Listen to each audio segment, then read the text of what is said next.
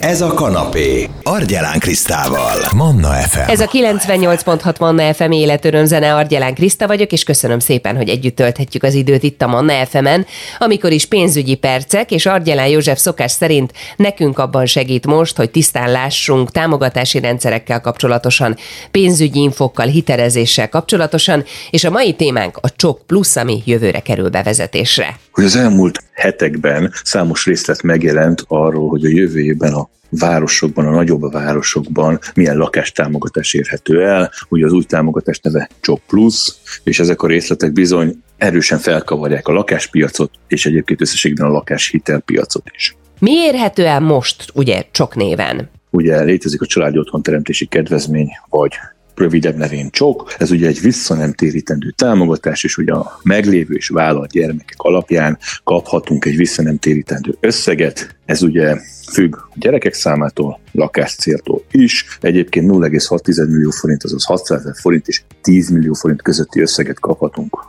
visszanemtérítendő támogatásként, illetve ha legalább két gyermek után veszük igénybe a visszanemtérítendő támogatást, akkor 10, illetve 15 millió forint támogatott hitelt is igényelhetünk 3%-os kamat mellett. 10 millió forintot akkor kaphatunk, hogyha két gyermekünk van, vagy vállalunk kettőt, 15 millió forintot pedig akkor, ha legalább három gyermek után használjuk ki a vissza nem térítendő támogatást. Mivel hitelről van szó, fontos, hogy, hogy a banki bíráti szabályoknak is megfeleljünk. Ez a jelenlegi helyzet. Miben tud ennél többet majd a Csok Plus? Jövő évben azt már tudtuk, hogy kvázi a kis településeken elérhető úgynevezett falusi csok az megmarad a visszanemtérítendő támogatás. Sőt, a támogatás összege is megemelkedik. Ugye egy gyermekre 1 millió, két gyermekre 4 millió, három gyermekre 15 millió forint visszanemtérítendő támogatást kaphatunk, illetve a csokhitel is hasonló feltételekkel elérhető lesz. A városokban viszont ez a rendszer megszűnik. Az új Csok Pluszról pedig most tudtuk meg a részleteket. Gyakorlatilag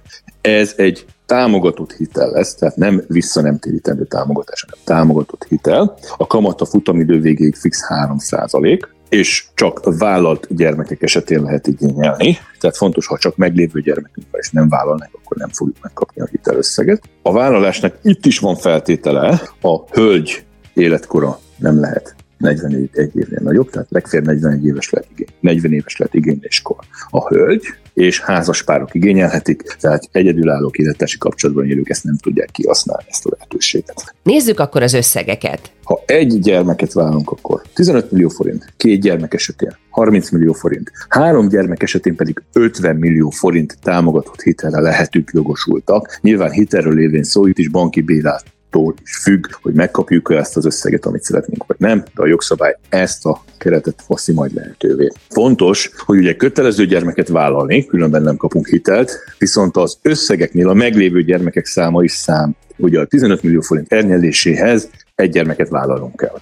És itt nincs mese. A 30 millió forintnál elképzelhető, hogy nincs gyermekünk, és két gyermeket vállalunk, de az is megoldás lehet, hogy van egy gyermekünk, és emellé vállalunk még egyet, akkor már ez kettő gyereknek számít, és megkaphatjuk a 30 millió forintos kölcsönt is akár. Az 50 millió forintnál hasonló helyzet, gyermektelen házaspár is vállalhat három gyereket, de akkor is megkapjuk az 50 millió forintot, ha egy meglévő mellé vállalunk kettőt, vagy ha két meglévő gyermek mellé csak egy gyermeket vállalunk. Tehát az összgyerekszám számít, de fontos úgy fent kihangsúlyozni, hogy vállalt gyermek nélkül nem fogjuk megkapni a hiteleket. Miért lehet jó ez az új konstrukció, a Csok Plus? Így önmagában az, hogy hitelt kapunk, még annyira nem tűnik vonzónak, viszont kapcsolódik más egyéb kedvezmény is a konstrukcióhoz. Ha alapvetően a kölcsön egy egyéves türelmi időben indul, ezen időszak alatt csak kamatot kell fizetnünk a bank felé, a tőketörlesztésünk a második évtől kezdődik meg. Ha megszületik egy gyermek, akkor Kérhetünk, és ez a mi döntésünk, hogy kérjük-e vagy nem,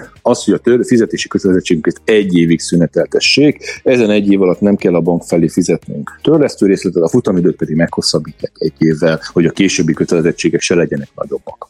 És most jönnek az érdekességek, a második gyermektől minden megszületett újabb gyermek esetén 10 10 millió forintot elengednek a fennálló tartozásból. Ez mit jelent pontosan? Ez azt jelenti, hogy ha én nulla gyermekre három gyermeket vállalok, és mind a három megszületik, akkor a másodiknál elengednek 10 millió forintot a fennálló tartozásból, a harmadiknál szintén elengednek 10 millió forintot, tehát összességében 20 millió forinttal csökkentik az én fennálló tartozásomat. Tehát ilyen módon egyébként ez a támogatott hitel, ez részben vagy egészben attól függ, hogy mekkora összeget veszünk végül föl, vissza nem térítedő támogatással is alakulhat. Ez egy nagyon jó hír.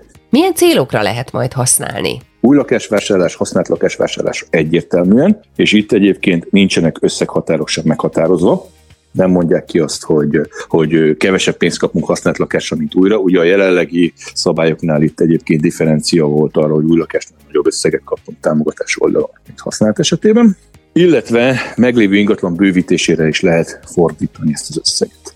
Az ingatlan vételára tekintetében is meghatároztak maximumot.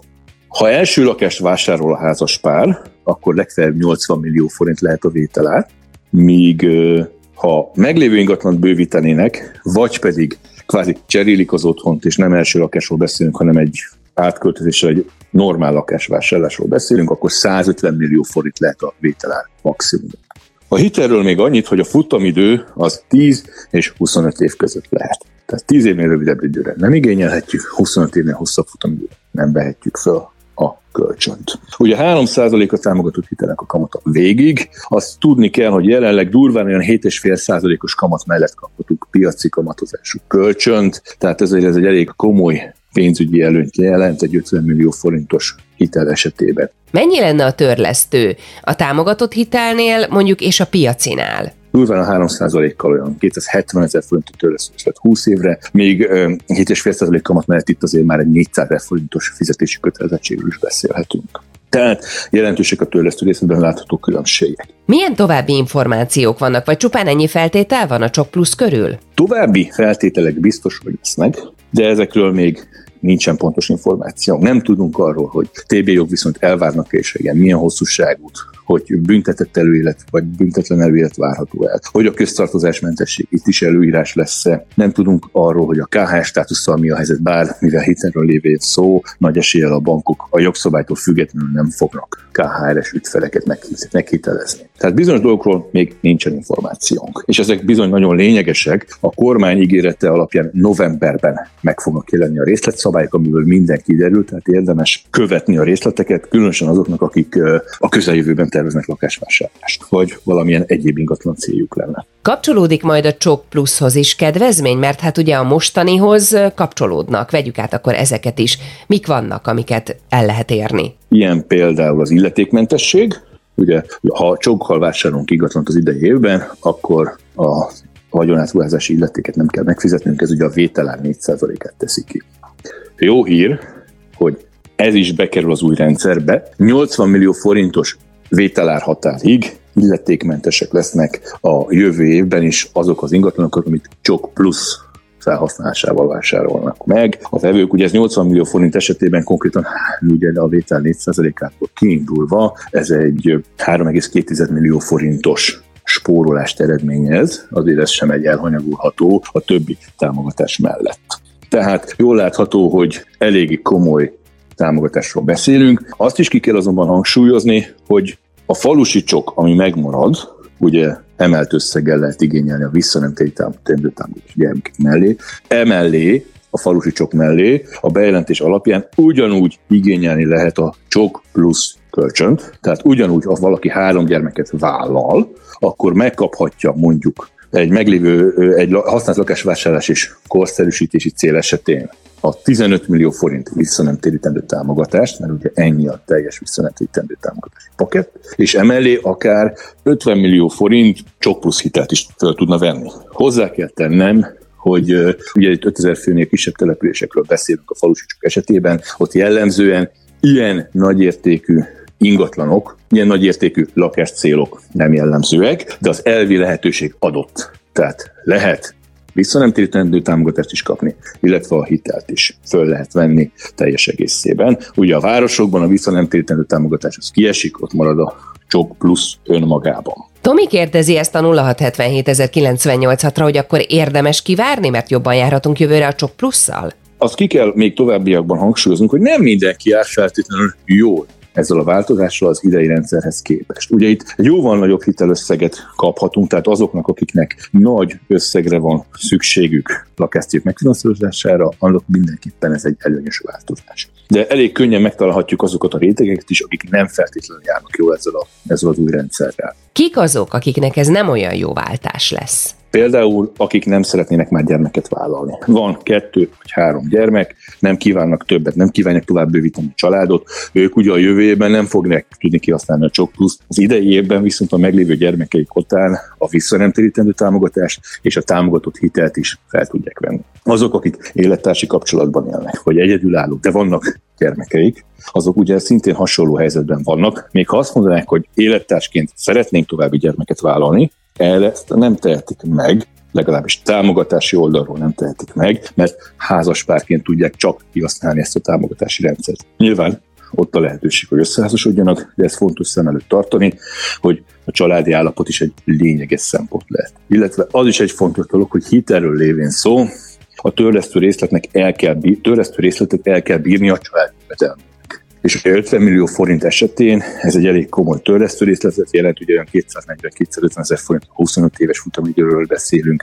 270 ezer forint 20 éves futamidőről beszélünk, Nagyjából ennek a duplájának kell lenni a család nettó fizetésének minimum ahhoz, hogy megkaphassák a kért hitelösszeget. Tehát mondhatjuk azt is, hogy azok, akiknek kisebb a jövedelmük, azok sem, számára sem feltétlenül előnyös az új konstrukció, bár hozzátenném, hogyha nagy volt a finanszírozási szükségletük, tehát hogyha sok kölcsönre, sok támogatásra volt szükségük, akkor a jelenlegi feltételrendszerben sem tudták feltétlenül megvalósítani lakás céljukat. Tehát nyilván van egy réteg, egy nem is olyan szűk réteg, akik számára ez a változás nem feltétlenül jelent előnyöket. És van egy másik, elég tetemes komoly réteg, akik mondjuk megfelelő jövedelemmel rendelkeznek, fiatalok, nagy családot szeretnének alapítani, és jó eséllyel még nincs gyermekük, vagy még további egy, minimum egy gyermeket szeretnék vállalni, ha meglévő gyermekek mellé, azok számára ez az új rendszer egy igen masszív forrás biztosíthat, tehát számukra ez a változás előnyös.